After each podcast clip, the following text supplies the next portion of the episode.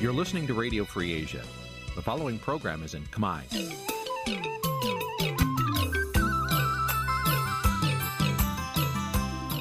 Nǐ ជាកម្មវិធីផ្សាយ Vuthu Azizi Serai នេះជាកម្មវិធីផ្សាយរបស់ Vuthu Azizi Serai ជាភាសាខ្មែរ Vuthu Azizi Serai សូមស្វាគមន៍លោកអ្នកនាងទាំងអស់ពីរដ្ឋធានី Washington នៃសហរដ្ឋអាមេរិក បាទប្រធានាទី Washington ខ្ញុំបាទទីនសាករិយាសូមជម្រាបសួរលោកនាងកញ្ញាទាំងអស់ជាទីមេត្រីយើងខ្ញុំសូមជូនកម្មវិធីផ្សាយសម្រាប់យប់ថ្ងៃអង្គារ900ខែពិសាឆ្នាំខាលចត្វាស័កពុទ្ធសករាជ2566ត្រូវថ្ងៃទី24ខែឧសភាគ្រិស្តសករាជ2022បាទជាដំបូងនេះសូមជ័យលោកនាងកញ្ញាស្ដាប់ព័ត៌មានប្រចាំថ្ងៃដែលមានមេត្តាដូចតទៅ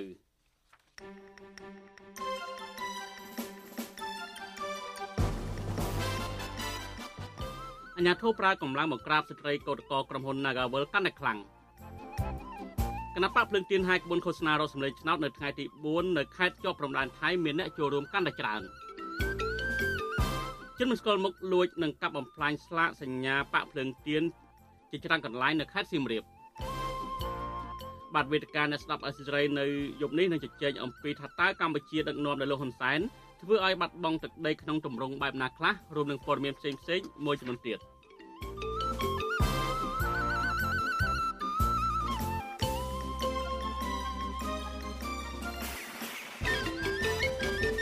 បាទលោកនាយកទីមេត្រីជាបន្តទៅនេះខ្ញុំបាទទីនសាករិយាសូមជូនព័ត៌មានពុស្ដាសមត្ថកិច្ចក្រុងភ្នំពេញបានដាក់កម្លាំងពង្រាយនៅក្បែរអគារក្រុមហ៊ុនបនលបៃ Nagavel រួចជាស្រេចនិងបន្តបង្ក្រាបកតកនៃក្រុមហ៊ុនមួយនេះជាង100នាក់ដោយដោយហិង្សា មិនឲ្យទាមទាររំដោះស្រាយពីតកែក្រុមហ៊ុនឡើយនៅថ្ងៃទី24ឧសភាអញ្ញាធមបានផ្ទះកំភ្លៀងកតកជាស្ត្រីម្នាក់និងបង្ខំឲ្យកតកដតីទៀតឡើងឡានក្រុងដោយសពដងហើយដឹកយកទៅទម្លាក់ចោលនៅតំបន់ជាក្រុងភ្នំពេញបាទសូមលោកនាងរងចាំស្ដាប់សេចក្តីរាយការណ៍នេះនៅពេលបន្តិចទៀតនេះបាទលោកនាងទីមេត្រី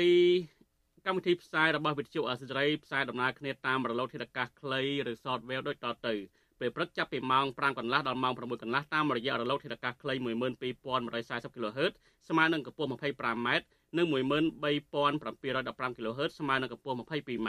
ពេលយប់ចាប់ពីម៉ោង7កន្លះដល់ម៉ោង8កន្លះតាមរយៈរលកធាតុអាកាសខ្លី9960 kHz ស្មើនឹងកម្ពស់ 30m និង12140 kHz ស្មើនឹងកម្ពស់ 25m និង11885 kHz ស្មើនឹងកម្ពស់ 25m បាទលោកនេះជាទីមេត្រីងាកមករឿងឃោសនាបោះឆ្នោតនេះវិញគឺយុទ្ធនាការឃោសនារត់សម្លេងឆ្នោតក្នុងថ្ងៃទី4នេះថ្នាក់ដឹកនាំនៃគណៈបកភ្លើងទៀនហាយក្បួនជាទ្រង់ទ្រាយធំនៅខេត្តជាប់ព្រំដែនថៃនិងខេត្តសៀមរាបដែលមានមនុស្សចូលរួមរាប់ពាន់នាក់រីឯគណៈបកនយោបាយមួយចំនួនទៀតធ្វើយុទ្ធនាការនិងផ្សព្វផ្សាយគោលនយោបាយរបស់ខ្លួននៅតាមមូលដ្ឋានជាទ្រង់ទ្រាយតូចៗក្នុងខេត្តមួយចំនួនបាទលោកនាងសូមរងចាំស្ដាប់សេចក្តីរាយការណ៍នេះនាពេលបន្តិចទៀតនេះបាទអាស៊ីសេរី បាទលោកនេះទីមេត្រីនៅទន្ទឹមនឹងគណៈបកនយោបាយកំពុងតែ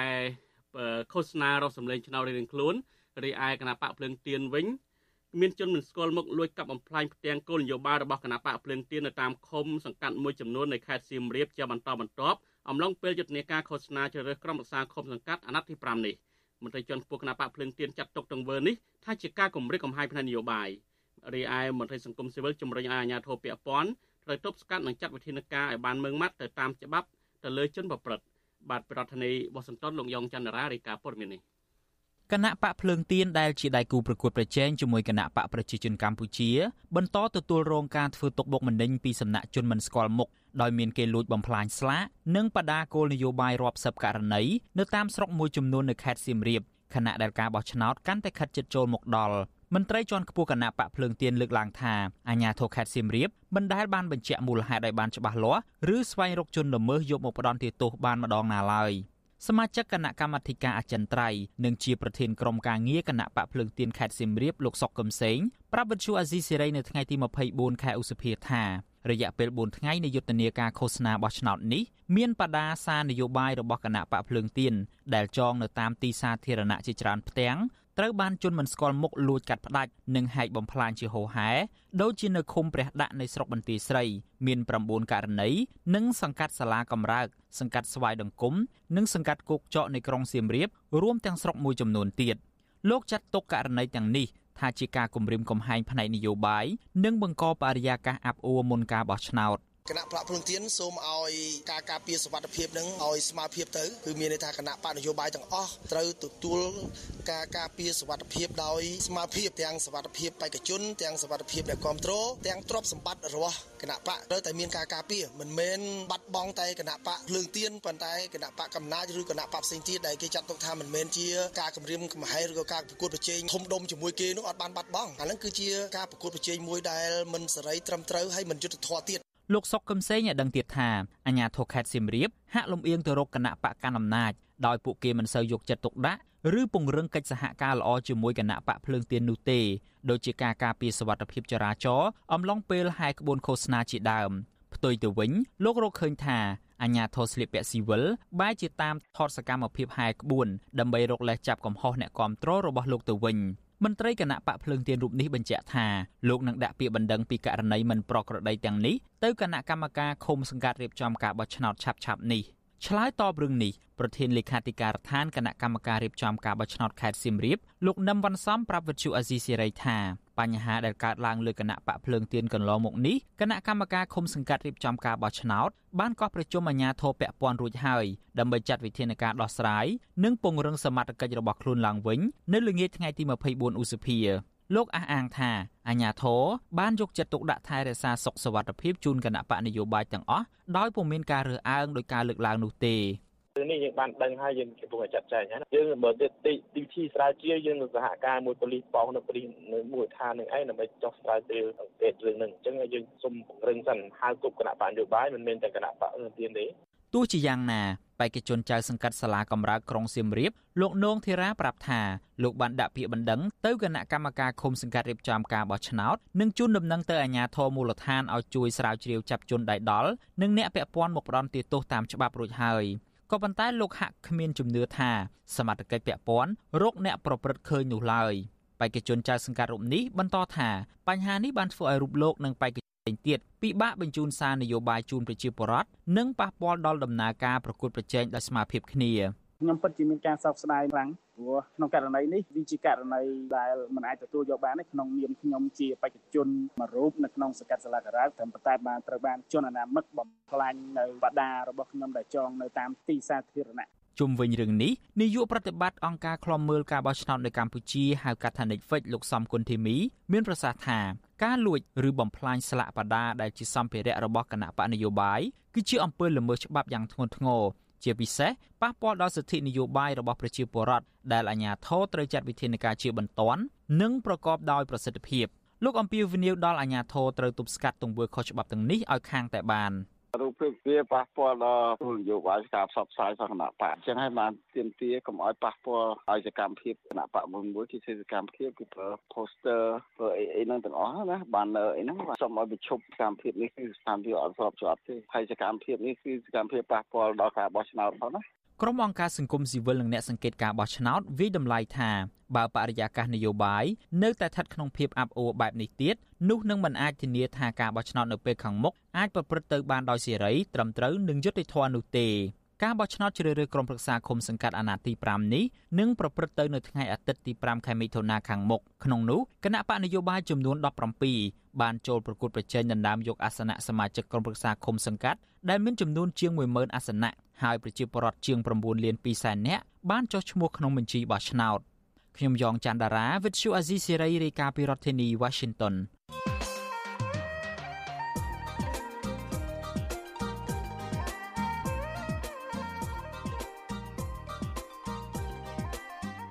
បាទលោកទីមិត្តរីតទៅនឹងបញ្ហាព្រំដែនវិញថ្មីថ្មីនេះលោកនាយករដ្ឋមន្ត្រីបានអះអាងប្រាប់ប្រជាពលរដ្ឋខ្មែររស់នៅសហភាពអឺរ៉ុបថាលោកមិនបានកាត់ដីខ្មែរឲ្យប្រទេសជិតខាងសំបីតែ1មីលីម៉ែត្រកម្ពុជានិងវៀតណាមបានឯកភាពគ្នាស្នើសុំអ្នកជំនាញការបារាំងឲ្យទៅជួយផ្ទេរផែនទី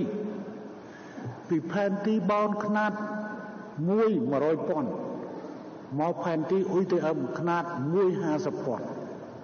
ដើម្បីឲ្យវាច្បាស់លាស់សំណុកការបោះបង្គោលការបោះបង្គោលរួមខ្ញុំគ្មានសិទ្ធិយកដីខ្មែរសូម្បី1មីលីម៉ែត្រឲ្យប្រទេសណាទេឲ្យប្រទេសណាទេបើដីក្នុងស្រុកខ្មែរជាដីចការរបស់ខ្ញុំឬដី ដីភូមិរបស់ខ្ញុំខ្ញុំអាចកាត់ឲ្យបានប៉ុណ្ណឹងជាកម្មសិទ្ធិរបស់ខ្ញុំប៉ុន្តែសម្រាប់ប្រទេសនិងប្រទេសអត់ទេ បាទឆ្លើយតបនឹងការអាងរបស់លោកហ៊ុនសែននេះក្រុមអ្នកតាមដានកិច្ចការព្រំដែនចោទថានោះជាការនិយាយមិនពិតក្រុមអ្នកតាមដានកិច្ចការព្រំដែនអះអាងថាកម្ពុជាក្រោមការដឹកនាំរបស់លោកហ៊ុនសែននេះធ្វើឲ្យបាត់បង់ទឹកដីនៅតាមព្រំដែនជាពិសេសនៅព្រំដែនកម្ពុជាវៀតណាមដែលធ្វើឲ្យប្រជារាស្ត្ររងទុក្ខដោយសារតែវៀតណាមឈ្លានពានដីស្រែចម្ការដីវត្តអារាមភោគដីភូមិឋានជាដើមទន្ទឹមនឹងនេះប្រជាប្រដ្ឋណាជឿឆ្អារឿងព្រំដែនក៏ត្រូវលោកហ៊ុនសែនចាប់ដាក់គុកថែមទៀតផងតើកម្ពុជាក្រោមការដឹកនាំរបស់លោកហ៊ុនសែនអាចធ្វើឲ្យបាត់បង់ទឹកដីក្នុងទម្រង់បែបណាខ្លះ បាទសូមលោកនេះរងចាំទស្សនានីតិវេទការអ្នកស្ដាប់អសិរ័យដែលនឹងជជែកអំពីបញ្ហានេះនាពេលបន្តិចទៀតនេះបើសិនជាលោកនាងមានសំណួរឬក៏ចង់បញ្ចេញជាមតិយោបល់សូមលោកនាងដាក់លេខទូរស័ព្ទនៅក្នុងខ្ទង់ comment ដែលយើងកំពុងតែផ្សាយផ្ទាល់តាម Facebook YouTube នេះយើងខ្ញុំនឹងតាក់ទងទៅលោកនាងវិញដើម្បីឲ្យលោកនាងបញ្ចេញជាមតិយោបល់និងសួរសំណួរមកកាន់វាគ្មិនរបស់យើងបាទសូមអរគុណបាទលោកនាយកទីមេត្រីតកតង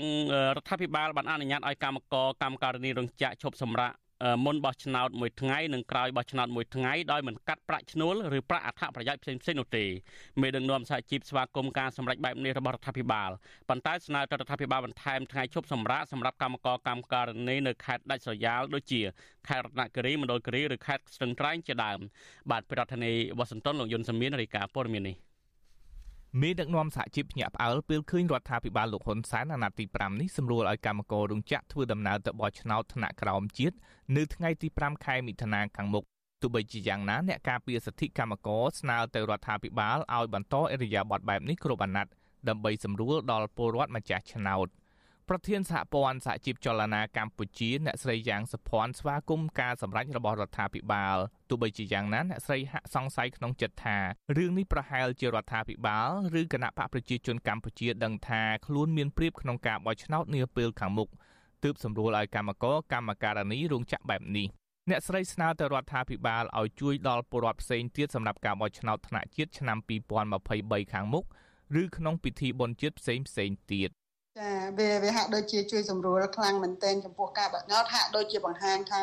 ការបោះឆ្នោតឆ្នាំនេះជាការបោះឆ្នោតមួយដែលអាចថាលោកមានព្រៀបខ្លាំងទៅលើការបោះឆ្នោតអីចឹងណានៅជាការមើលឃើញរបស់ខ្ញុំណាចាចា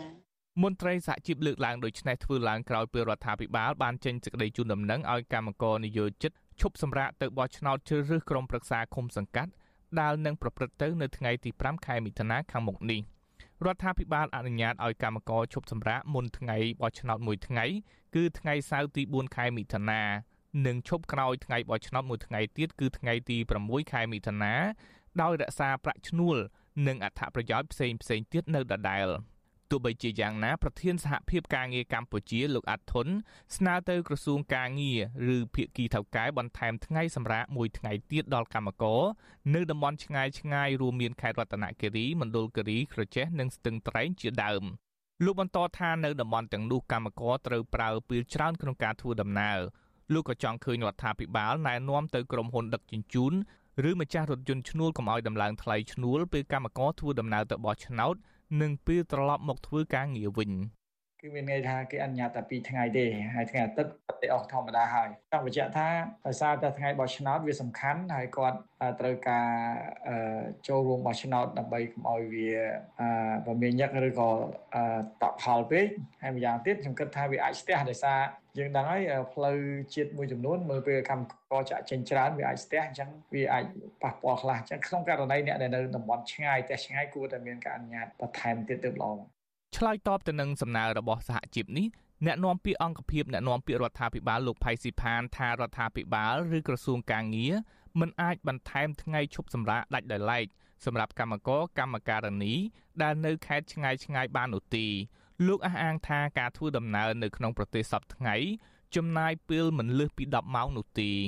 ចំពោះការស្នើកុំឲ្យដំឡើងថ្លៃដឹកជញ្ជូនវិញលោកផៃស៊ីផានថាកម្ពុជាជាប្រទេសទីផ្សារសេរីដូច្នេះរដ្ឋមិនអាចបញ្ជាឲ្យក្រុមហ៊ុនដឹកជញ្ជូនឬម្ចាស់រថយន្តឈ្នួលមិនឲ្យឡើងថ្លៃនោះទេទីមួយគោលបំណងផលរដ្ឋាភិបាលធ្វើឲ្យមានតុល្យភាពរវាងការថែរក្សាផលិតកម្មសម្បកផលិតកម្ម ដើម្បីរក្សាការពួតប្រជែងទីផ្សារការងារជាមួយនឹងប្រទេសជិតខាងរបស់យើងណាក្រសួងការងារកាលពីថ្ងៃទី24ខែឧសភាបានបង្គាប់ទៅថៅកែឬម្ចាស់រោងចក្រសហគ្រាសឲ្យកម្មករឈប់ដើម្បីធ្វើដំណើរទៅបោះឆ្នោតក្រសួងការងារថាកម្មករមិនតម្រូវឲ្យបង្ហាញឯកសារពាក់ព័ន្ធផ្សេងផ្សេងពេលត្រឡប់ចូលធ្វើការងារនោះទេ ប៉ុន្តែប្រសិនបើកម្មករអវត្តមានលើសពីការអនុញ្ញាតរបស់រដ្ឋាភិបាលនោះរោងចក្រសហគ្រាសអាចអនុវត្តវិធានផ្ទៃក្នុងរបស់រោងចក្រក្រសួងការងារក៏ស្នើឲ្យថៅកែឬម្ចាស់រោងចក្រសហគ្រាសត្រូវខិតខំបើកប្រាក់ឈ្នួលជូនកម្មករឲ្យបានមុនថ្ងៃបោះឆ្នោតក្នុងករណីថៅកែគ្មានលទ្ធភាពបើកប្រាក់ឈ្នួលឲ្យទាន់ពេលនោះទេកម្មករអាចខ្ចីប្រាក់ឈ្នួលឬប្រាក់បរិយាប្រទានពីថៅកែរបស់ខ្លួនក៏បានខ្ញុំយុនសាមៀនវិទ្យុអាស៊ីសេរីប្រធានាធិបតី Washington បាទលោកនាយកទីមេត្រីតើតើនឹងការឃោសនាបោះឆ្នោតវិញយុទ្ធនាការឃោសនារដ្ឋសម្លេងឆ្នោតក្នុងថ្ងៃទី4នេះថ្នាក់ដឹកនាំនៃគណៈបកភ្លឹងទៀនហាយក្បួនជាទ្រង់ទ្រាយធំនៅខេត្តជាប់ព្រំដែនថៃនិងខេត្តសៀមរាបដែលមានមនុស្សចូលរួមរាប់ពាន់នាក់រីឯគណៈបកនយោបាយមួយចំនួនទៀតធ្វើយុទ្ធនាការនិងផ្សព្វផ្សាយគោលនយោបាយរបស់ខ្លួននៅតាមមូលដ្ឋានជាទ្រង់ទ្រាយតូចៗនៅក្នុងខេត្តមួយចំនួនបាទលោកមានរិទ្ធរាយការណ៍ព័ត៌មាននេះ យុទ្ធនាការឃោសនាបោះឆ្នោតថ្ងៃទី4នេះគណៈបកភ្លើងទៀនគណៈបកផ្នែកស្លាញ់ជាតិនិងគណៈបកសម្បុកឃុំសង្គមប្រជាធិបតេយ្យបន្តធ្វើសកម្មភាពឃោសនារកសម្លេងឆ្នោតដោយជួបជាមួយពលរដ្ឋនិងក្រុមអ្នកគាំទ្រនៅតាមបណ្ដាខេត្តក្រុងមួយចំនួននៅជាប់ព្រំដែនថៃដូចជាខេត្តបន្ទាយមានជ័យបាត់ដំបងនិងខេត្តសៀមរាបជាដើមអនុប្រធានគណៈបកភ្លើងទៀនលោកថាច់សេដ្ឋាប្រាប់វិសុយស៊ីស្រីនៅថ្ងៃទី24ខែឧសភាថាពលរដ្ឋជាង2000នាក់ បានចូលរួមគាំទ្រគណៈបកភ្លើងទៀនទាំងកណ្ដាលថ្ងៃក្តៅនៅក្នុងសង្កាត់ប៉ោយប៉ែតក្រុងប៉ោយប៉ែតដើម្បីស្ដាប់សារនយោបាយនិងការបដិញ្ញាចិត្តរបស់បេក្ខភាពចៅសង្កាត់គឺអ្នកនាងចៅរតនាដែលត្រូវជាកូនស្រីបង្កើតរបស់លោកចៅវាសនាអតីតចៅសង្កាត់ប៉ោយប៉ែតជាប់ឆ្នោតរបស់គណៈបកសង្គ្រោះជាតិលោកថាសិដ្ឋាសង្ឃឹមថាគណៈបកភ្លើងទៀននឹងទទួលបានជ័យជំនះនៅក្នុងសង្កាត់នេះព្រោះមានពលរដ្ឋជាច្រើនគាំទ្រចេញពីទឹកចិត្ត លោកបានថែមថាថ្នាក់ដឹកនាំគណៈបកភ្លើងទៀនក៏បន្តជួបជាមួយក្រុមអ្នកគាំទ្រនៅខេត្តសៀមរាបនៅរសៀលថ្ងៃដដែលនេះយើងឃើញវាមានសង្ឃឹមច្រើនហើយសង្កាត់ប៉ោយប៉ែតក៏យើងតែធ្លាប់ឈ្នះតាំងពីអាណត្តិដំបូងដែរហើយមនុស្សព្រឹកមិញហែទៅក៏ឃើញការគ្រប់គ្រងឃើញមានការចោះសាទរអីច្រើនតាមជាប្រវត្តិតាមផ្ទះតាមអីចឹងណាអតីតចៅសង្កាត់ប៉ោយប៉ែត លោកចៅវាសនាបានបាត់បង់តំណែងដោយសារតែរដ្ឋាភិបាលលោកនាយរដ្ឋមន្ត្រីហ៊ុនសែនបានរំលាយគណៈបកសង្គ្រោះជាតិកាលពីចុងឆ្នាំ2017លោកចៅវិស្នាដែលមានដើមកំណើតជាខ្មែរក្រោមបានជាប់ពន្ធនាគាររយៈពេល5ឆ្នាំក្រោមបទចោទប្រកាន់ពីបទញុះញង់ឲ្យប្រើអំពើហិង្សា មានស្ថានទម្ងន់ទោសពាក់ព័ន្ធនឹងរឿងចុះឃ្លាំមើលកម្មករអូរ៉ូតេតវ៉ានៅក្រុងប៉ោយប៉ែតកាលពីដើមឆ្នាំ2017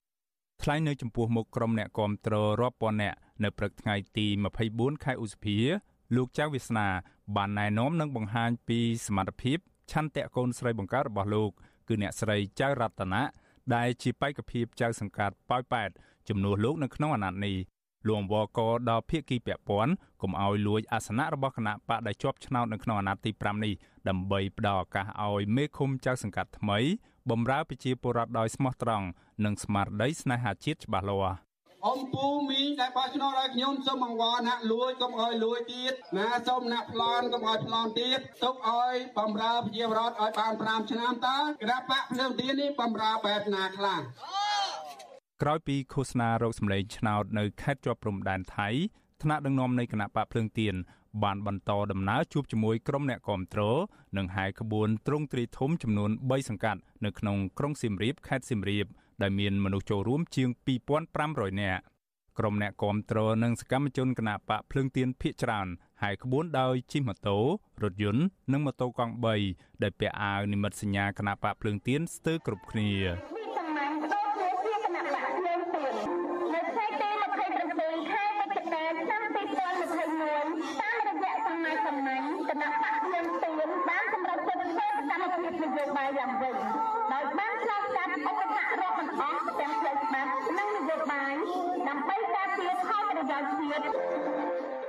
រីឯគណៈបកខ្មែរស្លាញ់ជាតិបន្តធ្វើសកម្មភាពហែក្បួនឃោសនារោសម្លេងឆ្នោតទ្រង់ទ្រីតូចដោយចាក់មីក្រូចល័តបិទបដាតាមដើមឈើនិងចែកចាយខិត្តប័ណ្ណនៅតាមឃុំសង្កាត់មួយចំនួន ដូចជានៅខេត្តបាត់ដំបង កំពង់ចាមនិងខេត្តកណ្ដាលជាដើម។ ប្រធានគណៈបកផ្នែកស្រឡាញ់ជាតិលោកឈីវកតាប្រវិសុវស៊ីស្រីថាយុទ្ធនាការឃោសនាបោះឆ្នោតរយៈពេល4ថ្ងៃកន្លងទៅនេះគណៈបករបស់លោកបានឃោសនារកសម្លេងឆ្នោតនៅតាមបណ្ដាភូមិស្រុកមួយចំនួននៅក្នុងខេត្តបាត់ដំបង និងខេត្តកណ្ដាលដោយមានមនុស្សចូលរួមក្នុងចន្លោះពី100នាក់ទៅ200នាក់នៅក្នុងមួយថ្ងៃ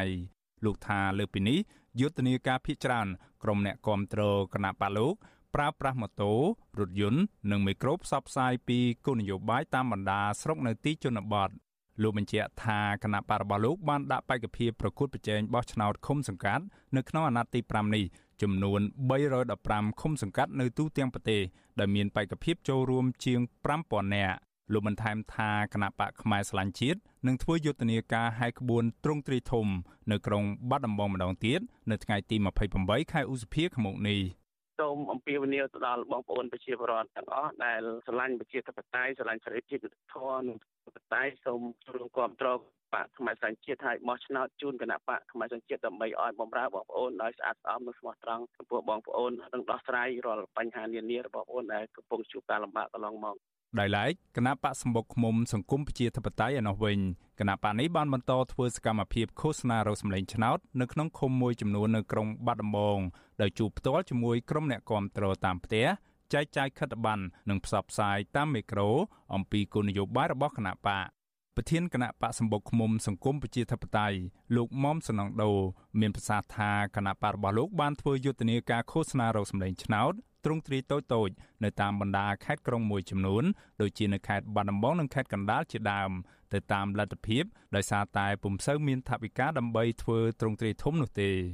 លោកបញ្ជាក់ថាគណៈបករបស់លោកបានដាក់បេក្ខភាពប្រកួតប្រជែងបោះឆ្នោតឃុំសង្កាត់នៅក្នុងអាណត្តិនេះចំនួន23ឃុំសង្កាត់ ហើយបច្ចុប្បន្នថ្នាក់ដឹកនាំនៃគណៈបកសម្បុកឃុំសង្គមប្រជាធិបតេយ្យកំពុងជួបពលរដ្ឋតាមផ្ទះដើម្បីផ្ដល់ខិត្តប័ណ្ណផ្សព្វផ្សាយពីគោលនយោបាយរបស់គណៈបកនៅក្នុងសង្កាត់ព្រែកព្រះស្ដាច់ក្រុងបាត់ដំបង បើគាត់ទៅកន្លែងណាយើងដាក់រៀងចាក់ទៅបោះឆ្នោតឲ្យគណៈបកសម្ពុមុំហើយនឹងគោលការណ៍7ទៅរបស់ពូពូផ្សព្វផ្សាយហើយពូដើរជួបជាបរិបទធម្មតាតែយើងចូលឈ្មោះយើងផ្ញើអសមោលហើយពូផុសទៅមិនកាត់ក៏គេទៅមុខឲ្យគេសួរឲ្យយើងឆ្លើយទល់មុខ face to face អានឹងបានល្អមានលុយមានមនុស្សច្រើនអត់លុយមានមនុស្សតិចប៉ុន្តែយើងចង់តិចខ្លឹមច្រើនជាងបោកប្រាស់គ្នាហើយពូអត់គ្រប់ទៅគេធ្វើឲ្យធ្វើទៅគេស្រែកចិត្តគេ ចំណែកគណៈបកប្រជាជនកម្ពុជាវិញគណៈបកនេះមិនបានហែកក្បួនឃោសនារោសម្លេងឆ្នោតនៅខេត្តជាប់ព្រំដែនថៃនោះទេ នៅថ្ងៃទី24ខែឧសភានេះដោយគ្រាន់តែផ្សព្វផ្សាយពីគោលនយោបាយចាក់មីក្រូឬឧបករណ៍បំពងសម្លេង នៅតាមទីស្នាក់ការគណៈបកនៅក្នុងខេត្តនីមួយៗតែប៉ុណ្ណោះអ្នកសម្របសម្រួលផ្នែកអង្គការនិងតស៊ូមតិនៃអង្គការ Confrel លោកកនស្វាងសង្កេតឃើញថាដំណើរការនៃយុទ្ធនាការឃោសនារោសម្លេងឆ្នោត របស់គណៈបកនយោបាយមួយចំនួនក្នុងថ្ងៃទី4នេះស្រដៀងគ្នាកាលពីថ្ងៃម្សិលមិញដែរដោយគណៈបកនយោបាយភាគច្រើន បន្តធ្វើយុទ្ធនាការទ្រង់ទ្រាយតូចតូចទៅតាមលទ្ធភាពរបស់ពួកគេដោយចែកចាយខិត្តប័ណ្ណហែក្បួនតាមម៉ូតូនិងចាក់ឧបករណ៍បំពងសម្លេងជាដើម លោកបន្តថាមកទល់ពេលនេះមិនទាន់ឃើញមានភាពមិនប្រក្រតីណាមួយឬការគំរាមកំហែងធ្ងន់ធ្ងរនៅឡើយទេនៅក្នុងដំណើរការនៃយុទ្ធនាការឃោសនារោគសម្លេងឆ្នោតរបស់គណៈបកនយោបាយនានាយុទ្ធនាការឃោសនារោគសម្លេងឆ្នោតរបស់គណៈបកនយោបាយទាំង17ដែលចូលរួមការបោះឆ្នោតថ្នាក់ក្រោមជាតិនៅថ្ងៃទី5ខែមិថុនាឆ្នាំនេះ មានរយៈពេល14ថ្ងៃដោយចាប់ផ្ដើមពីថ្ងៃទី21ខែឧសភាហើយត្រូវបញ្ចប់ទៅនៅថ្ងៃទី3ខែមិថុនាឆ្នាំនេះច្បាប់បោះឆ្នោតអនុញ្ញាតឲ្យគណៈបញ្ញយោបាយហើយក្បួនទ្រង់ទ្រាយធំ នៅតាមមូលដ្ឋានរបស់ខ្លួន ត្រឹម2ថ្ងៃប៉ុណ្ណោះគឺនៅថ្ងៃចាប់ផ្ដើម និងនៅថ្ងៃចុងបញ្ចប់នៃយុទ្ធនាការនេះខ្ញុំបាទមេរិត Visual C ស្រីរាយការណ៍ពីរដ្ឋធានី Washington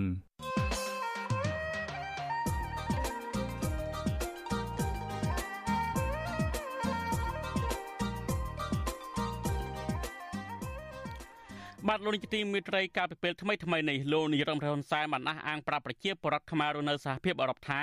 លោកមិនបានកាត់ទឹកដីខ្មែរឲ្យប្រទេសជិតខាងសំបីតែ1មីលីម៉ែត្រនឹងវៀតណាមបានឯកភាពគ្នាស្នើសុំអ្នកជំនាញការបារាំងឲ្យទៅជួយផ្ទេរផែនទីពីផែនទីបោនខ្នាត1 100ពាន់មកផែនទីអ៊ុយទេអឹមខ្នាត150ពាន់ដើម្បីឲ្យវាច្បាស់លាស់សម្រាប់ការបោះបកគោល ការបោះបកគោលរួមខ្ញុំគ្មានសិទ្ធិយកដីខ្មែរសូម្បី1មីលីម៉ែត្រឲ្យប្រទេសណាទេឲ្យប្រទេសណាទេបាទឆ្លើយតបនឹងការអាងរបស់លោកហ៊ុនសែននេះក្រុមអ្នកតាមដានកិច្ចការព្រំដែនចោទថានោះជាការនិយាយមិនពិត ក្រុមអ្នកតាមដានកិច្ចការព្រំដែនអះអាងថាកម្ពុជាក្រោមការដឹកនាំរបស់លោកហ៊ុនសែនធ្វើឲ្យបាត់បង់ទឹកដីនៅតាមព្រំដែនជាពិសេសនៅព្រំដែនកម្ពុជាវៀតណាមដែលធ្វើឲ្យប្រជារាស្ត្ររងទុក្ខដោយសារតែវៀតណាមឈ្លានពានដីស្រែចម្ការដីវត្តអារាមដីភូមិឋានជាដើមទន្ទឹមនឹងនេះប្រជាប្រដ្ឋណាហ៊ានជឿឆ្អារឿងព្រំដែនក៏ត្រូវលោកហ៊ុនសែនចាប់ដាក់គុកថែមទៀតផងតើកម្ពុជាក្រោមការដឹកនាំរបស់លោកហ៊ុនសែន ធ្វើឲ្យបាត់បង់ទឹកដីក្នុងទម្រង់បែបណាខ្លះបាទសូមលោកនាងរងចាំទស្សនានីតិវិទ្យាអ្នកស្ដាប់អសិរ័យដែលនឹងជជែកអំពីបញ្ហានេះនាពេលបន្តិចទៀតនេះបើសិនជាលោកនាងចង់សួរមកកាន់លោកវិក្កាមរបស់យើងឬក៏បញ្ចេញជាមតិយោបល់សូមលោកនាងដាក់លេខទូរស័ព្ទនៅក្នុងខ្ទង់ comment ដែលយើងកំពុងតែផ្សាយផ្ទាល់តាម Facebook YouTube នេះយើងខ្ញុំនឹងតាក់ទងទៅលោកនាងវិញបាទសូមអរគុណ បាទបាទលោកនាយកទីមេត្រីកម្មវិធីផ្សាយរបស់វិទ្យុអសិរ័យផ្សាយដំណើរគ្នាតាមរលកធាតុអាកាសខ្លីឬ Shortwave ដូចតទៅពេលព្រឹកចាប់ពីម៉ោង5កន្លះដល់ម៉ោង6កន្លះតាមរយៈរលកធាតុអាកាសខ្លី12140 kHz ស្មើនឹងកម្ពស់ 25m និង13775 kHz ស្មើនឹងកម្ពស់ 22m ពេលយប់ចាប់ពីម៉ោង7កន្លះដល់ម៉ោង8កន្លះតាមរយៈរលកធាតុអាកាសខ្លី9960 kHz ស្មើនឹងកម្ពស់ 30m និង12140 kHz ស្មើនឹងកម្ពស់ 25m និង11885 kHz ស្មើនឹងកម្ពស់ 25m បាទលោកនាយទីមេត្រីតកតងនឹងបាក់ភ្លើងទៀនវិញ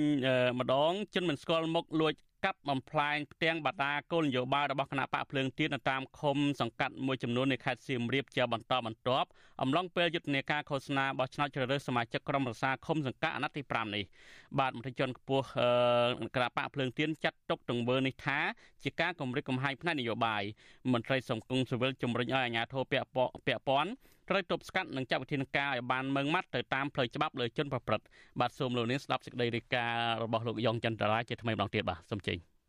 គណៈបកភ្លើងទៀនដែលជាដៃគូប្រកួតប្រជែងជាមួយគណៈបកប្រជាជនកម្ពុជា បន្តទទួលរងការធ្វើទុកបុកម្នេញពីសំណាក់ជនមិនស្គាល់មុខដោយមានគេលួចបំផ្លាញស្លាកនិងបដាគោលនយោបាយរាប់សិបករណីនៅតាមស្រុកមួយចំនួននៅខេត្តសៀមរាបខណៈដែលការបោះឆ្នោតកាន់តែខិតជិតចូលមកដល់ មន្ត្រីជាន់ខ្ពស់គណៈបកភ្លើងទៀនលើកឡើងថាអាញាធរខេត្តសៀមរាបមិនដែលបានបញ្ជាក់មូលហេតុឲ្យបានច្បាស់លាស់ឬស្វែងរកជនល្មើសយកមកផ្ដន់ទោសបានម្ដងណាឡើយ។សមាជិកគណៈកម្មាធិការអចិន្ត្រៃយ៍និងជាប្រធានក្រុមការងារគណៈបកភ្លើងទៀនខេត្តសៀមរាបលោកសុកកឹមសេងប្រាប់វិទ្យុអាស៊ីសេរីនៅថ្ងៃទី24ខែឧសភាថារយៈពេល4ថ្ងៃនៃយុទ្ធនាការឃោសនាបោះឆ្នោតនេះមានបដាសារនយោបាយរបស់គណៈបកភ្លើងទៀនដែលចងនៅតាមទីសាធារណៈជាច្រើនផ្ទាំង ត្រូវបានជន់មិនស្គាល់មុខលួចកាត់ផ្ដាច់និងហែកបំផ្លាញជាហូហែ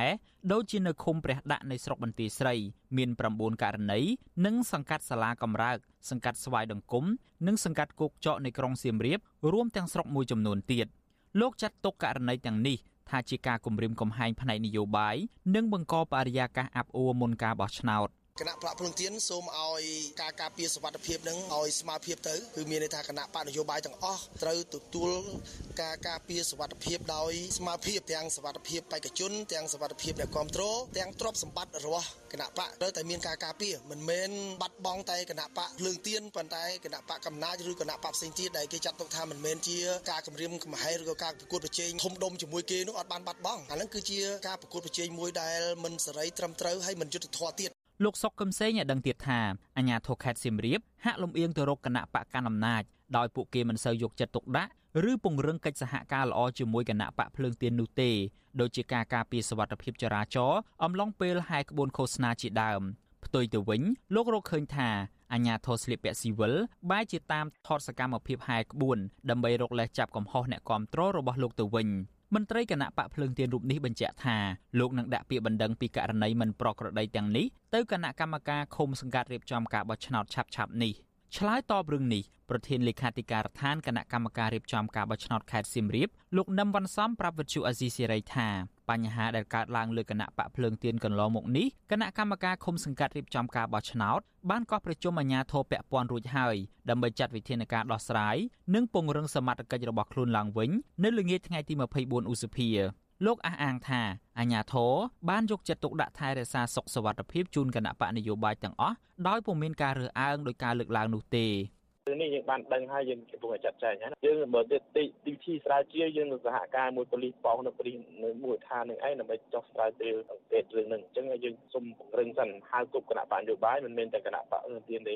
ទោះជាយ៉ាងណា បេក្ខជនចៅសង្កាត់សាលាកំរើកក្រុងសៀមរាបលោកនងធីរ៉ាប្រាប់ថាលោកបានដាក់ពាក្យបណ្ដឹងទៅគណៈកម្មការឃុំសង្កាត់រៀបចំការបោះឆ្នោតនិងជូនដំណឹងទៅអាជ្ញាធរមូលដ្ឋានឲ្យជួយស្រាវជ្រាវចាប់ជនដៃដល់និងអ្នកពាក់ព័ន្ធមកផ្ដន់ទោសតាមច្បាប់រួចហើយក៏ប៉ុន្តែលោកហាក់គ្មានជំនឿថាសមត្ថកិច្ចពាក់ព័ន្ធរកអ្នកប្រព្រឹត្តឃើញនោះឡើយ។ បេក្ខជនចៅសង្កាត់រូបនេះបន្តថាបញ្ហានេះបានធ្វើឲ្យរូបលោកនិងបេក្ខជនផ្សេងទៀតពិបាកបញ្ជូនសារនយោបាយជូនប្រជាពលរដ្ឋនិងប៉ះពាល់ដល់ដំណើរការប្រកួតប្រជែងដោយស្មារតីគ្នាខ្ញុំពិតជាមានការសោកស្ដាយខ្លាំងព្រោះក្នុងករណីនេះវាជាករណីដែលមិនអាចទទួលយកបានទេក្នុងនាមខ្ញុំជាបេក្ខជនមួយរូបនៅក្នុងសង្កាត់សាលាការ៉ាត្រឹមតែបានត្រូវបានជនអនាមិកបំផ្លាញនៅបដារបស់ខ្ញុំដែលចងនៅតាមទីសាធារណៈ ជុំវិញរឿងនេះនាយកប្រតិបត្តិអង្គការឃ្លាំមើលការបោះឆ្នោតនៅកម្ពុជាហៅកាត់ថា Netflix លោកសំគុណធីមី មានប្រសាសន៍ថាការលួចឬបំផ្លាញស្លាកបដាដែលជាសម្ភារៈរបស់គណៈបកនយោបាយគឺជាអំពើល្មើសច្បាប់យ៉ាងធ្ងន់ធ្ងរ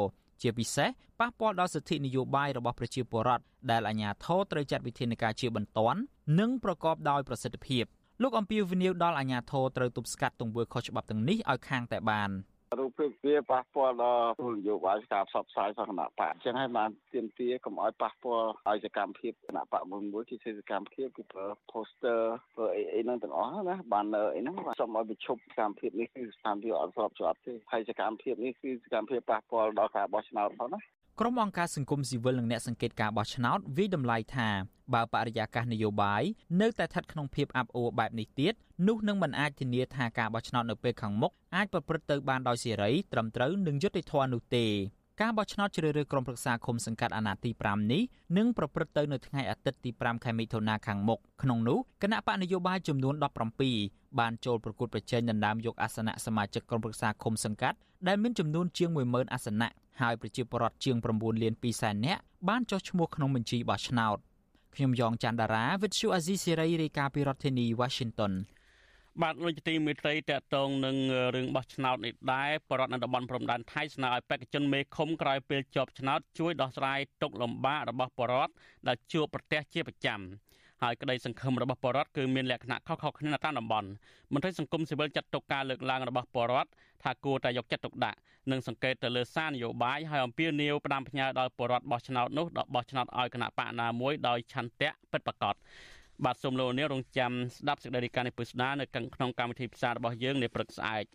បាទលោកនាងជាទីមេត្រីលោកនាងទៅបានស្ដាប់ព័ត៌មានប្រចាំថ្ងៃរបស់វិទ្យុអសិរ័យដែលរៀបចំដោយខ្ញុំបាទធីនសាករាយប្រធានាធិបតីវ៉ាស៊ីនតោនសូមលោកនាងរងចាំស្ដាប់នេតិវេទការអ្នកស្ដាប់អសិរ័យនៅពេលបន្តិចទៀតនេះ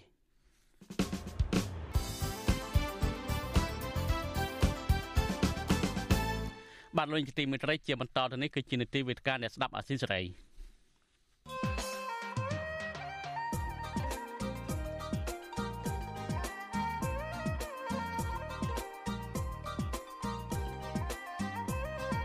វេទិកាអ្នកស្ដាប់វិទ្យុអាស៊ីសេរី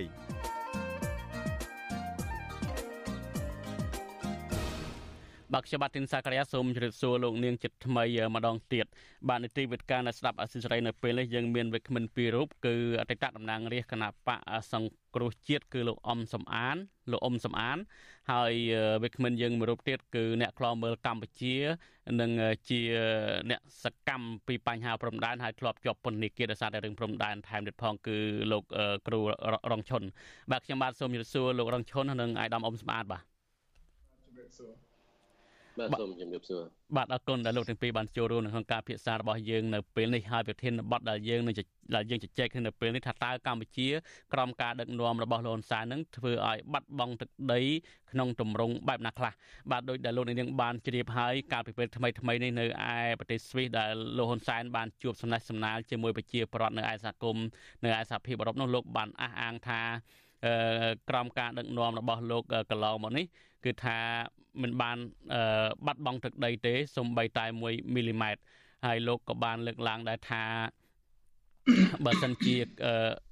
ឲ្យដីទៅគេដដែលមិនបាច់ចរចាប្រឹងចរចាធ្វើអីគឺកន្លងមកគឺលោកប្រឹងចរចាដើម្បីការពារបូរណភាពទឹកដីនេះហើយយើងដឹងហើយកាលពីឆ្នាំ2019គឺគណៈកម្មការព្រំដែនកម្ពុជានិងវៀតណាមនឹងបានឯកភាពគ្នាបោះបង្គោលបានព្រំដែនកម្ពុជាវៀតណាមបានចំនួន84%ហើយនៅក្នុងកិច្ចប្រជុំដែលលោកហ៊ុនសែនមកអញ្ជើញប្រជុំអាស៊ានកម្ពុជាពិសេសអាស៊ានអាមេរិកនឹងលោកបានប្រកាសប្រាប់បរដ្ឋខ្មែរនៅសហគមន៍ខ្មែរនៅអាមេរិកទៀតថា លោកបានចរចាជួបចរចាជាមួយមេដឹកនាំវៀតណាមហ្នឹងគឺបានឯកភាពគ្នារបស់បង្គោលព្រំដែនហ្នឹងចំនួន6%ថែមទៀតហើយព្រំដែនកម្ពុជាវៀតណាមនៅសល់84%ឥឡូវលោកហ៊ុនសែនថាបាន6%ថែមទៀតហើយគណៈកម្មការព្រំដែននឹងបន្តលើកិច្ចការនេះ រីឯព្រំដែនកម្ពុជាឡាវវិញគឺភាគីទាំងពីរបានបោះបាន86%ហើយចំពោះភាគកម្ពុជានិងព្រំដែនកម្ពុជានិងវៀតណាមវិញចំណុចដែលមិនទាន់បានឯកភាពគ្នានៅសល់16%ទៀតឥឡូវនឹងលោកហ៊ុនសែនថាបាន6%ទៀតប្រហែលជានៅសល់ជា10%ទៀតដែលមិនទាន់បានបោះហ្នឹងគឺនៅជាប់ភូមិទល់នៅខេត្តកណ្ដាល នៅតំបន់ដីសណ្ដទន្លេមេគង្គហើយនិងទន្លេបាសាក់ជាដើមបាទជាដំបូងនេះខ្ញុំសូមជម្រាបសួរអាយដាមអ៊ុំសំអានអឺអាយដាមអ៊ុំសំអានក៏ធ្លាប់ជាប់ជាប់ពន្ធនាគារដែរដោយសារតែបញ្ហារិះគន់អំពីរឿងព្រំដែនអីចឹងជាដើម តើការលើកឡើងរបស់លោកហ៊ុនសែននៅពេលនេះពិសេសយើងមើលឃើញថាការបោះឆ្នោតឃុំសង្កាត់យុទ្ធនាការឃោសនាកំពុងតែបន្តឃោសនាយ៉ាងមមាញឹកដែលគណៈបកចំនួន17កំពុងតែចូលរួមនោះហើយទន្ទឹមនឹងនេះលោកហ៊ុនសែនក៏បានប្រកាសអួតអាងថាលោកជាមេដឹកនាំមួយរូបដែលបដូរផ្ដាច់ហាការពារទឹកដីសំបីតែ1មីលីម៉ែត្រក៏មិនបានបាត់បង់តើជាការចាប់អារម្មណ៍របស់អាយដាមអ៊ំសំអានតើអាយដាមមើលឃើញបែបណាដែរចំពោះប្រសាសន៍របស់លោកហ៊ុនសែននេះបាទសូមចេញ បាទសូមជម្រាបសួរលោករងជុនហើយសូមជម្រាបសួរលោកពីសាករិយាហើយសូមជម្រាបសួរផងដែរបងប្អូនខ្មែរទាំងក្នុងនិងក្រៅប្រទេសបាទលោកហ៊ុនសែនក៏ថាការបោះបង្គោលកន្លងមកនេះមិនបានបាត់បង់ដីសូម្បីតែ1មីលីម៉ែត្របាទ1មីលីម៉ែត្រអត់បាត់បាត់ទេប៉ុន្តែបាត់រាប់គីឡូនឹងមានបាទក្នុងក្នុងការដឹកនាំរបស់គាត់ណាបាទដោយសារអីយើងឃើញថាការបោះបង្គោលកន្លងមកនេះគឺបោះបង្គោលទៅតាមសន្ធិសញ្ញា បំពេញបន្ថែមឆ្នាំ2005និងឆ្នាំ2019ដែលយកតាមសន្ធិសញ្ញាឆ្នាំ1985សម័យយួនទូត្រាកម្ពុជាហើយសម័យហ្នឹងយើងដឹងហើយកម្ពុជាយើងស្ថិតនៅក្រោមការគ្រប់គ្រងរបស់វៀតណាមហ្នឹងហើយសំបីតែរដ្ឋមន្ត្រីចៅហ្វាយខេត្តគេមានជំនាញការរបស់គេនៅអែបអែបហ្នឹងអែបនៅអែបហ្នឹងគឺការសម្ដែងទាំងអស់គឺជំនួយជំនាញការយួនហ្នឹងជាអ្នកសម្ដែងមានចៅហ្វាយខេត្តរដ្ឋមន្ត្រីណាហើយក៏ហ្នឹងលោកហ៊ុនសែនក៏ជារដ្ឋមន្ត្រីការបរទេស សញ្ញេជាមួយលោកវៀងកូថាច់រដ្ឋមន្ត្រីការបរទេសវៀតណាមទៅលើសន្ធិសញ្ញាឆ្នាំ1983និងឆ្នាំ1985ស្ដីពីដែនគោកហើយនិងឆ្នាំ1982ស្ដីពីតំបន់ទឹកប្រវត្តិសាស្ត្រហ្នឹងលោកហ៊ុនសែនក៏សញ្ញេផងដែរដូច្នេះការយកសន្ធិសញ្ញាទាំងឡាយណាដែលខុសទៅនឹងរដ្ឋធម្មនុញ្ញកម្ពុជាព្រោះរដ្ឋធម្មនុញ្ញកម្ពុជារបស់យើងមាត្រា55 បានតម្រូវឲ្យលុបចោលនេះរដ្ឋធម្មនុញ្ញមាត្រា15នោះគឺតម្រូវលុបចោលនៅសន្ធិសញ្ញាទាំងឡាយណា ដែលធ្វើឡើងក្រមដែលកម្ពុជានៅពេលដែលកម្ពុជាអត់មានឯករាជ្យភាពអធិបតេយ្យភាពរបស់ខ្លួនណាហើយកិច្ចព្រមព្រៀងសន្តិភាពទីក្រុងប៉ារីសក៏តម្រូវឲ្យលុបចោលសន្ធិសញ្ញាទាំងអស់ហ្នឹងដែរក៏ប៉ុន្តែហ៊ុនសែនក៏នៅតែចេះនៅតែរឹងរឹងអឹងរឹងក្រាស់ក្បាលរឹងណាបាទព្រោះខ្ញុំក៏ហ្នឹង ជាយុវជនដែរជានិស្សិតបានបដកម្មច្រើនកាលទសវត្សទី90ហ្នឹងឆ្នាំ2000ជាងហ្នឹងបានបដកម្មច្រើនប្រឆាំងនឹងសញ្ញានៅទសវត្សទី80ហ្នឹងរហូតដល់បានចូលកលសម្ដេចតាសម្ដេចតាក៏បដិសេធមិនទទួលស្គាល់សន្ធិសញ្ញានៅទសវត្សទី80ដែរណាប៉ុន្តែលោកហ៊ុនសែនខ្លួនឯងក្នុងខ្ញុំមានលិខិតរបស់ខ្ញុំនេះថាលោកហ៊ុនសែនខ្លួនឯងក៏ឆ្នាំ2000ក៏បានសរសេរលិខិតទៅសម្ដេចតាថាតាមពិតសន្ធិសញ្ញានៃទសវត្សទី80ហ្នឹង បានធ្វើឲ្យបាត់បង់អឺសំទោសគឺត្រូវបានលុបចោលរួចហើយតាមកិច្ចព្រមព្រៀងសន្តិភាពទីក្រុងប៉ារីសឆ្នាំ1991នេះរបស់លួនសែននេះយើងមានផុសតាទេទៅសម្ដេចតាក៏ប៉ុន្តែដល់ឆ្នាំ2005គាត់ក៏បានប្រែកន្លះវិញបាទគាត់របស់គាត់នឹងគឺបដិសេធទៅលើសន្ធិសញ្ញានេះវត្តទី80ប៉ុណ្ណោះឆ្នាំ2005គាត់បែរជាកន្លះសម្ដីរបស់គាត់វិញគាត់បែរយកសន្ធិសញ្ញានេះទស្សវត្សទី80គឺសន្ធិសញ្ញាឆ្នាំ1985ហ្នឹង មកធ្វើរស់ឡើងវិញឲ្យជាអនុម័តធ្វើរស់ឡើងវិញណាដូច្នេះដែលលោកហ៊ុនសែនក៏ដោះស្រាយបញ្ហាព្រំដែនកន្លងមកនេះបាត់ដីខ្មែរយើងបាត់ទី1តាមរយៈការដូរដីខ្មែរនិងដីខ្មែរដូរដីខ្មែរនិងដីខ្មែរអឺចាស់ស្ដែងដូចជាភូមិសម្ដេចហេងសំរិនគេថាភូមិអន្លង់ជ្រៃនិងភូមិត្រកត្រៃហ្នឹងតាមលោកប៉ាកំហុងតាមលោកអឺលោកសុកទូចលោកមណ្ឌលសុកទូចតាមលោកហ៊ុនសែនគាត់ថា អឺភូមិសម្ដេចហេងសំរិនហ្នឹងចូលដីយួនណាហើយយើងគិតមើលសម្ដេចហេងសំរិនអាយុ8ជាងហើយហើយចំនួនដូនតាគាត់ក៏រស់នៅតំបន់ហ្នឹងដែរហើយទើបមកដឹងថាដីរបស់គាត់ចូលដីយួនណាចឹងដូច្នេះដើម្បីដូរដីភូមិស្រុកស្រែនិងភូមិដំឡូងជ្រៃបានមកវិញត្រូវយកដីតំបន់ផ្សេងទៅឲ្យយួនវិញហើយដីហ្នឹងតាមដែលយើងស្រាវជ្រាវគឺនៅតំបន់ភូមិតំបន់ហិនសំរិនគឺស្ថិតនៅក្នុងឃុំពញាក្រែកបាទ ស្រុកពញាក្រែកស្រុកពញាក្រែកខេត្តត្បូងឃ្មុំហើយដូរដីទៅឲ្យយួនវិញហ្នឹងនៅស្រុកមេមត់ខេត្តត្បូងឃ្មុំហ្នឹងនៅស្រុកជាប់គ្នាហ្នឹងដូច្នេះការដូរដីខ្មែរដីខ្មែរហ្នឹងព្រោះបានលោកបាទកំផុងគាត់ថាដូរមួយទៅមួយមកមានបាត់អីយើងឲ្យភូមិយើងបានភូមិសម្ដេចហេងសំរិន2មកវិញហើយយើងយកភូមិខ្មែរ2ទៅឲ្យយួនវិញស្មើគ្នាដែរបើយើងសួរថាភូមិសម្ដេចសំរិនភូមិខ្មែរ ហើយចាភូមិឲ្យទៅ2ទៅយួនវិញហ្នឹងភូមិខ្មែរយើងដូរដៃខ្មែរដៃខ្មែរហើយចំណេញមិនអាហ្នឹងអាហ្នឹងគឺថាដូរដៃខ្មែរដៃខ្មែរហ្នឹងហើយមួយទៀតដូចនៅបកគោល203បាទនៅស្រុកកំពង់រោខេត្តស្វាយរៀងអញ្ចឹងខ្ញុំបានទៅមើលនៅតំបន់ហ្នឹងឆ្នាំ2015បាទយួនចូលដៃខ្មែរយើងមកអឺផែជាចូលពីបកគោ203ផែជាកន្លះគីឡូហើយចូលវារហូតដល់បកគោ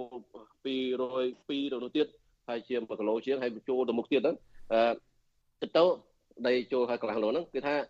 យួនទៅចូលមកផែកម្ពុជាប្រាចូលយួនចូលមកផែជា4 5ឆ្នាំព្រោះយួនគេថាគេកាន់កាប់រាប់ឆ្នាំហើយដូច្នេះដើម្បីបានដីនោះមកវិញហើយយកដីខ្មែរតំបន់ផ្សេងទៅឲ្យយួនវិញណាអញ្ចឹងមិនអាដីដែលយួនចូលហ្នឹងមិនដីខ្មែរយើងចុះអាដីដែលតំបន់ផ្សេងដែលដូរទៅឲ្យយួនវិញហ្នឹងមិនដីខ្មែរយើងដូរដីខ្មែរដីខ្មែរហ្នឹងវាបាត់ដីខ្មែរទៀតណាអញ្ចឹងដូច្នេះតាមនេះសភៅរបស់លោកហ៊ុនសែននេះគាត់សរសេរខ្លួនឯងណាឆ្នាំ2012គាត់និយាយក្នុងក្នុងសភា ប្រជុំសភាគឺថាគាត់និយាយថាកម្ពុជាក្នុងសភៅហ្នឹងគឺបាននិយាយហើយលោកហ៊ុនសែនក៏បាននិយាយដែរកម្ពុជាចូលលុយចូលវៀតណាម900 16.7ហិកតាហើយវៀតណាមលុយចូលកម្ពុជា2160.6ហិកតាអញ្ចឹងកម្ពុជាលុយចូលវៀតណាមវៀតណាមលុយចូលកម្ពុជាហ្នឹងវា3077.3ហិកតាវាស្មើនឹង 30.7គីឡូម៉ែត្រប្រេដូច្នេះអាដូរដៃដៃខ្មែរដូចខ្ញុំថាដូរភូមិសម្ដេចហេសំរិនមិញហ្នឹងដូរដៃខ្មែរដៃខ្មែរអាបកគោជិត203ដូរដៃខ្មែរដៃខ្មែរអាយួនចូលខ្មែរយើងហ្នឹងក៏ដៃខ្មែរយើងអឺហើយហើយយើងចូលថាភូមិសម្លេងដាច់ជាសម្លេងចូលទៅយូរហ្នឹងក៏ដីខ្មែរយើងដូរដីខ្មែរដីខ្មែរហ្នឹងវាបាត់ អស់30គីឡូម៉ែត្រការ៉េវាស្មើនឹង3000សំអានបាទហិតាជាងបាទអានអ៊ំសំអានមានប្រសាសន៍ថានៅស្រុកពញាក្រែកគឺភូមិរបស់លោកហេងសំរិនហ្នឹងក៏ជាដីខ្មែរតាមពិតតំបន់ហ្នឹងខ្ញុំក៏បានធ្លាប់ទៅទីតាំងនឹងផ្ទាល់ដែរឃើញផ្ទះបរតខ្មែរហ្នឹងនៅ បកគោលព្រំដែនហ្នឹងខិតមកមុខហើយផ្ទះនៅខាងក្រោយឯនោះអញ្ចឹងភូមិនៅភូមិឋានចាស់ហើយអឺលោកហេងសំរិនពេលហ្នឹងក៏បានទៅអភិវឌ្ឍនៅតំបន់ហ្នឹងជីកបន្លាយជាអីធ្វើផ្ទះឲ្យចែកជូនជាបរដ្ឋអីចឹងទៅប៉ុន្តែចំណុចពីបកគោល203លោកអាដាមអ៊ំសំអាបានលើកឡើងនៅខេត្តស្វាយរៀងហ្នឹងនៅត្រង់ចំណុច203នៅក្នុងភូមិអីឃុំអីអាដាមអ៊ំសំអាអាដាមអានថាជាដីខ្មែរនោះបាទបកគោ203ស្ថិតនៅភូមិ នៅឃុំត្នោតបាទស្រុកកំពរខេត្តស្វាយរៀងបាទពួកខ្ញុំបានទៅមើលដែរណាបាទហើយយើងដូច្នេះយើងគិតទៅបើតាមរយៈការដូរដីដូរដីដីខ្មែរដីខ្មែរហ្នឹងវា181.035គីឡូម៉ែត្រការ៉េដីខ្មែរយើងដក30គីឡូម៉ែត្រការ៉េទៅវាស្មើនឹងដកសល់ដីខ្មែរយើង1000អឺ181.005គីឡូម៉ែត្រការ៉េខណៈដូរដីដីដីខ្មែរដីខ្មែរហ្នឹងគឺខាតអស់30,000គីឡូម៉ែត្រការ៉េយើងអត់តាន់គិតដែល យួនចូលមកគេគូសទៅតាមផែនទីថ្មីទៀតតាមផែនទីថ្មីដែលគេធ្វើថ្មីហ្នឹងគឺផែនទីຂະຫນាត1លើ25000ហ្នឹងហ្នឹងវាបាត់បន្ថែមទៀតហ៎ដូច្នេះអឺគឺទៅដីខ្មែរយើងគឺបាត់រាប់ពាន់គីឡូម៉ែត្រការ៉េនៅតាមព្រំដែនណាអាហ្នឹងតាមរាប់រាប់ម៉ឺនហិកតានៅតាមព្រំដែនអានេះហើយយើងមើលផែនទីថ្មីហ្នឹងຂະຫນាត1លើ25000ហ្នឹងគឺគូតាមដែលយួនចូលដីខ្មែរយើងប្រហែលគូទៅតាមហ្នឹងឈៀងបើកន្លែងណាយួនអត់ចូលទៅ គេគូតាមហ្នឹងទៅបើកន្លែងណាយួនចូលយើងគូទៅតាមហ្នឹងទៅផែនទីថ្មីຂະຫນាត1លើ25000ហ្នឹងចឹងបានខ្ញុំស្នើឲ្យលោកបាកំហុងហ្នឹងរដ្ឋាភិបាលលហ៊ុនសែនហ្នឹងអឺ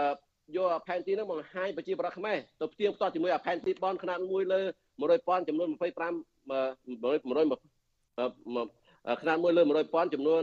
26ផ្ទាំងហ្នឹង បាទទៀងផ្ទាត់ជាមួយផែនទីអាដាមអ៊ំសម្បានមួយលើ25បាទអាដាមអ៊ំសម្បានសុំអាដាមបញ្ជាក់ឡើងវិញបង្ហាញបាទបាទសុំអាដាមបញ្ជាក់ឡើងវិញតិចតើបាត់នឹងបាត់ចំនួនប្រមាណពិតប្រកបហើយនៅតំបន់ណាខ្លះខេត្តណាខ្លះស្រុកណាខ្លះដែលអាដាមបានមានឯកសារស្រាវជ្រាវរកឃើញនោះបាទបាត់ដូចជានៅ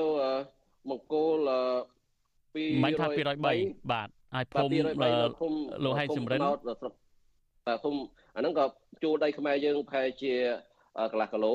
កន្លះគីឡូជាងបបជាបរដ្ឋបើអាហ្នឹងយើងគិតពីបកគោល203មកចូលដីខ្មែរប៉ុន្តែជាបរដ្ឋប្រាប់ថាហួសបកគោលដីយើងមើលទៅភូមិភូមិចាស់នៅភ្នោមានភ្នោខ្មោចខ្មែរយើងនៅហ្នឹងហើយយួនឲ្យកោះនៅក្នុងដីខ្មែរសំទោសនៅសប្តាហ៍នៅក្នុងដីយួនពីមុនដីខ្មែរយើងឥឡូវសព ថ្ងៃទៅក្នុងដីយួនសពថ្ងៃគឺដីខ្មែរប៉ុន្តែយួនគ្រប់គ្រងអញ្ចឹងហ៎អាដាមស្បានអញ្ចឹងហ៎បាទបាទបាទដីខ្មែរប៉ុន្តែយួនគ្រប់គ្រងបាទហើយយួនគេឲ្យប្រជាប្រដ្ឋខ្មែរយើងហ្នឹងកោះភ្នោខ្មោចហ្នឹងចេញប៉ុន្តែប្រជាប្រដ្ឋថាអត់កោះទេព្រោះហ្នឹងជាបោះតាំងដល់រឹងមាំហើយប្រជាប្រដ្ឋប្រាប់ថាដីខ្មែរយើងនៅមុខទៀតបាទដូច្នេះវាចូលច្រើនណានៅតំបន់ហ្នឹងចូលហើយជា1គីឡូជាងបើគិតពីមង្គលមកពីកន្លះគីឡូប៉ុន្តែបើគិតទៅមុខទៀតដែលយួនចូលពីមុខទៀតទៅមុខថែទៀតហ្នឹងគឺជា1គីឡូជាងបាទ ហើយនៅបកគោល148ស្រុកដំដួលខេត្តស្វាយរៀងបាត់ចំការចន្ទីខ្មែរយើងចំការចន្ទីហ្នឹងគាត់ធ្វើឆ្នាំ79ណាដល់ពីបោះបកគោលទៅបោះចំអាពាក់កណ្ដាលបកគោលចំការចន្ទីហ្នឹងគឺខ្ញុំក៏បានទៅទៅមើលលោកសំនឹងស៊ីលោកកឹមសខាក៏បានទៅមើលដល់បកគោលហ្នឹងដែរបោះកណ្ដាលចំការចន្ទីរបស់គាត់ហ្នឹងជួដីខ្មែរយើងប្រហែលជា1គីឡូជាងដែរនៅហ្នឹងហើយនៅបង្គោល125 អាហ្នឹង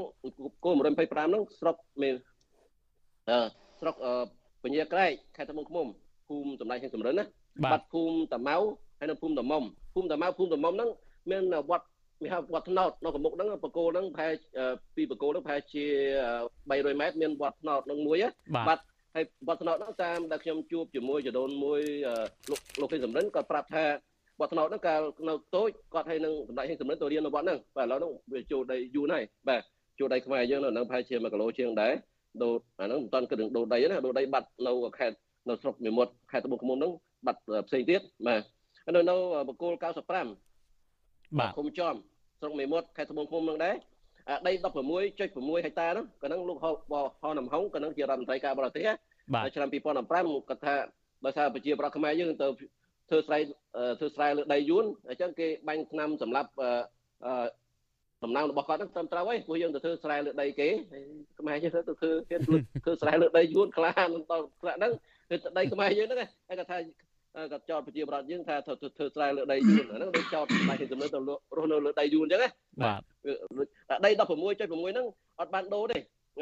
លោកប៉ាកំហុងគាត់ប្រាប់គាត់និយាយដែរគាត់ថា ខ្ញុំមិនប្រាប់គាត់ប្រាប់គាត់ថាដី16.6គាត់យកមកវិញហើយគាត់យកដីខ្មែរតំបន់ផ្សេងទៅឲ្យយួនវិញ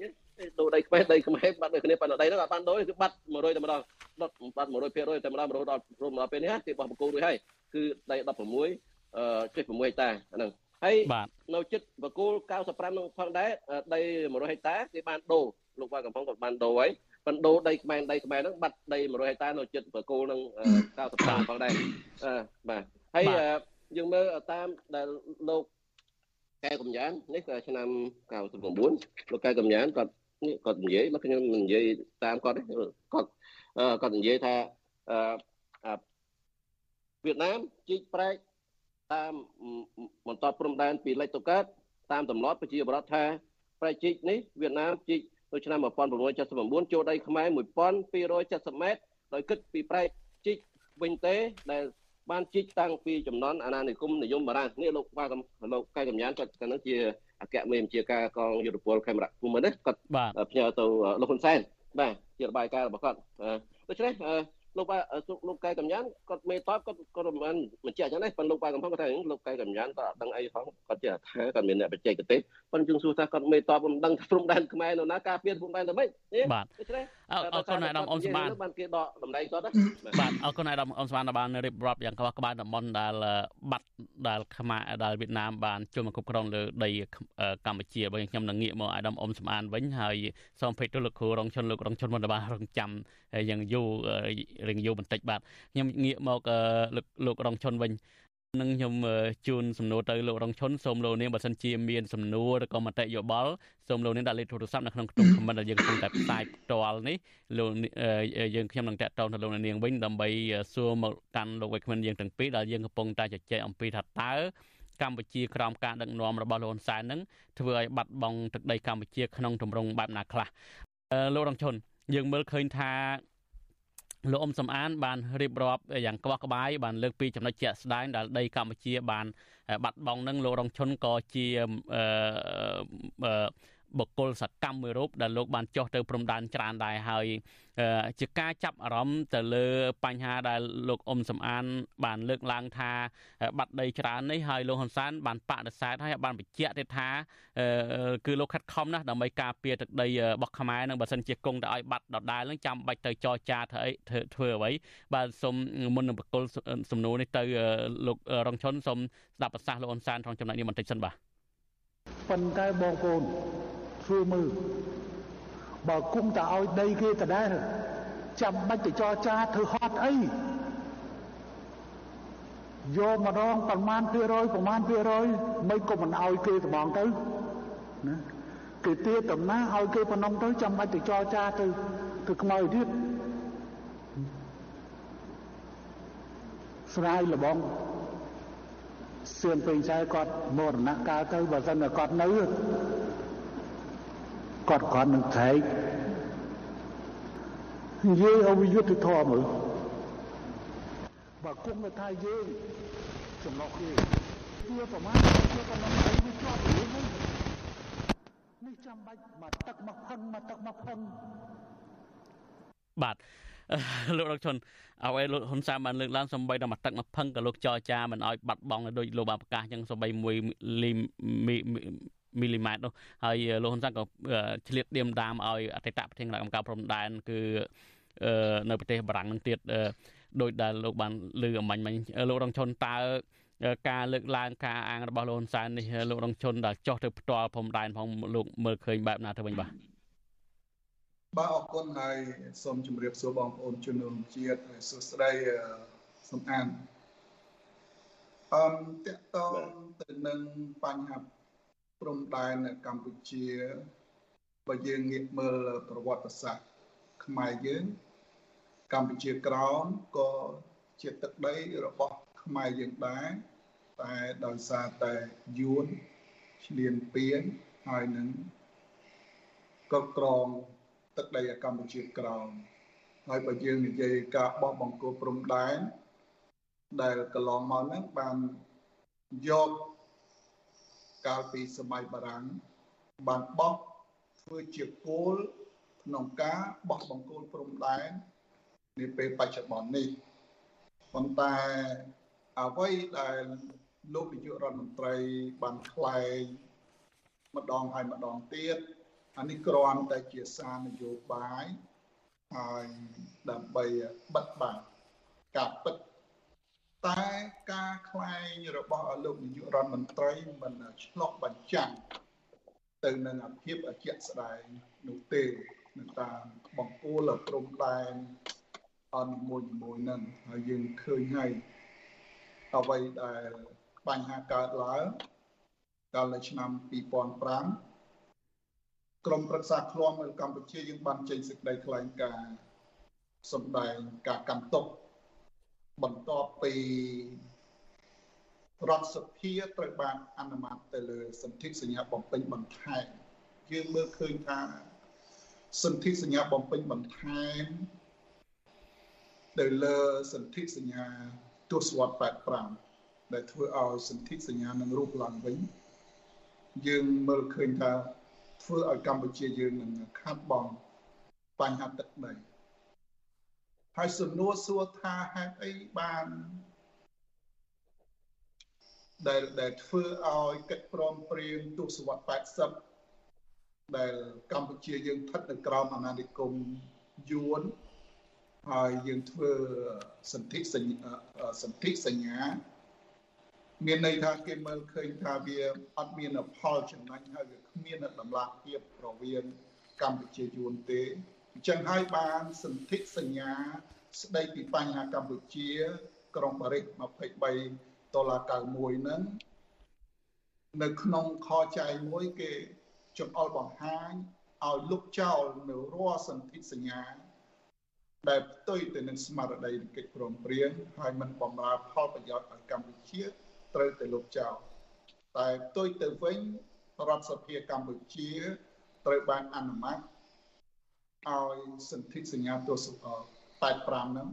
រស់ឡើងវិញហើយក្នុងនាមយើងក្រុមប្រឹក្សាឃ្លាំមើលកម្ពុជា យើងមើលឃើញថាបើសន្ធិសញ្ញាទស្សវត្ស85រស់ឡើងវិញពេលនឹងធ្វើឲ្យកម្ពុជាយើងនឹងខាត់បងហើយនៅពេលរបស់បង្គោលព្រំដែនបាទអញ្ចឹងហើយបានជាយើងចេញសេចក្តីថ្លែងការណ៍ជំទាស់សម្ដែងការកម្មទុកនៅពេលនោះក៏ត្រូវបានអាជ្ញាធរ ចាក់ខ្លួនខ្ញុំនៅឆ្នាំ2005នឹងម្ដងតាក់ទងទៅនឹងសន្ធិសញ្ញាបំពេញបន្ថែមហើយអ្វីដែលជាការពិតលោកនាយករដ្ឋមន្ត្រីខ្លែងមិនឆ្លោះបញ្ចាំងការពិតគ្រាន់តែជាសារនយោបាយដើម្បីជាពិធដ្ឋទៅកាន់ជនរួមជាតិខ្មែរតែការពិតការបោះបង្គោលព្រំដែននេះមានភាពមិនប្រក្រតីច្រើនបាទនៅតាម បង្គោលជាច្រើនដែលបោះចូលទឹកដីកម្ពុជាយើងជាពិសេសកន្លែងភូមិកំណើតរបស់សម្ដេចហេងសំរិនហើយនឹងនៅខេត្តតកែវដែលយើងកំណត់តាក់ទងទៅនឹងបលាយវិញតេអីហ្នឹងឥឡូវហ្នឹងយើងចូលមកដល់បលាយអិនតាមបលាយក្នុងដែរបលាយ79ទស្សវត្ស80នេះបាទអញ្ចឹងយើងឃើញ វាមានភាពមិនប្រក្រតីច្រើនតាក់ទងនឹងបញ្ហារបស់បង្គោលព្រំដែនហ្នឹងអញ្ចឹងហើយបានជាលើកម្ដងហើយម្ដងទៀតហើយតាក់ទងទៅនឹងការដោះដូរដីសម្រាប់និយាយខាងដើមហ្នឹងនៅក្នុងច្បាប់អត់មានទេបាទអត់មានច្បាប់ណាចង្អុលបង្ហាញពីរឿងការដោះដូរដីទេនៅក្នុងរដ្ឋធម្មនុញ្ញក៏បាទមិនអោយ រដ្ឋាភិបាលធ្វើការដោះដូរដីដែរហើយបើយើងងាកទៅមើលក្រមព្រហ្មទណ្ឌបើខ្ញុំមិនភ្លេចទេដូចជាមេត្រាជាង140ប្រមាណទេបាទបើមានការដោះដូរដីគេចាត់ទុកជាជនក្បត់ជាតិហើយគ្មានច្បាប់ណាអនុញ្ញាតឲ្យធ្វើការដោះដូរទេបាទអត់មានច្បាប់ទេអានឹងបើយើងនិយាយផ្លូវច្បាប់ហើយទៅឆែកមើលច្បាប់ទៅបាទបាទអានឹងដែលជាបញ្ហាខុសធ្ងន់ធ្ងរបាទ អរគុណលោករងឈុនបានលើកឡើងថាការបោះបង្គោលគឺមានបញ្ហាមានប្រកបជាច្រើនខ្ញុំនឹងសួរលោកនៅពេលបន្តិចទៀតបានមុននឹងខ្ញុំសួរលោករងឈុនបន្តទៀតលោកនាងដែលកំពុងតែទស្សនាឬក៏ស្ដាប់វិទ្យុអសិរ័យតាមរយៈ software ហ្នឹងនឹងមិនលឺការផ្សាយរបស់យើងទេចាប់ពីម៉ោង8កន្លះនេះទៅហើយសម្រាប់លោកនាងដែលកំពុងទស្សនាការផ្សាយរបស់យើងតាម Facebook YouTube សូមលោកនាងអញ្ជើញទស្សនាបន្តទស្សនាជាមួយយើងបន្តទៀត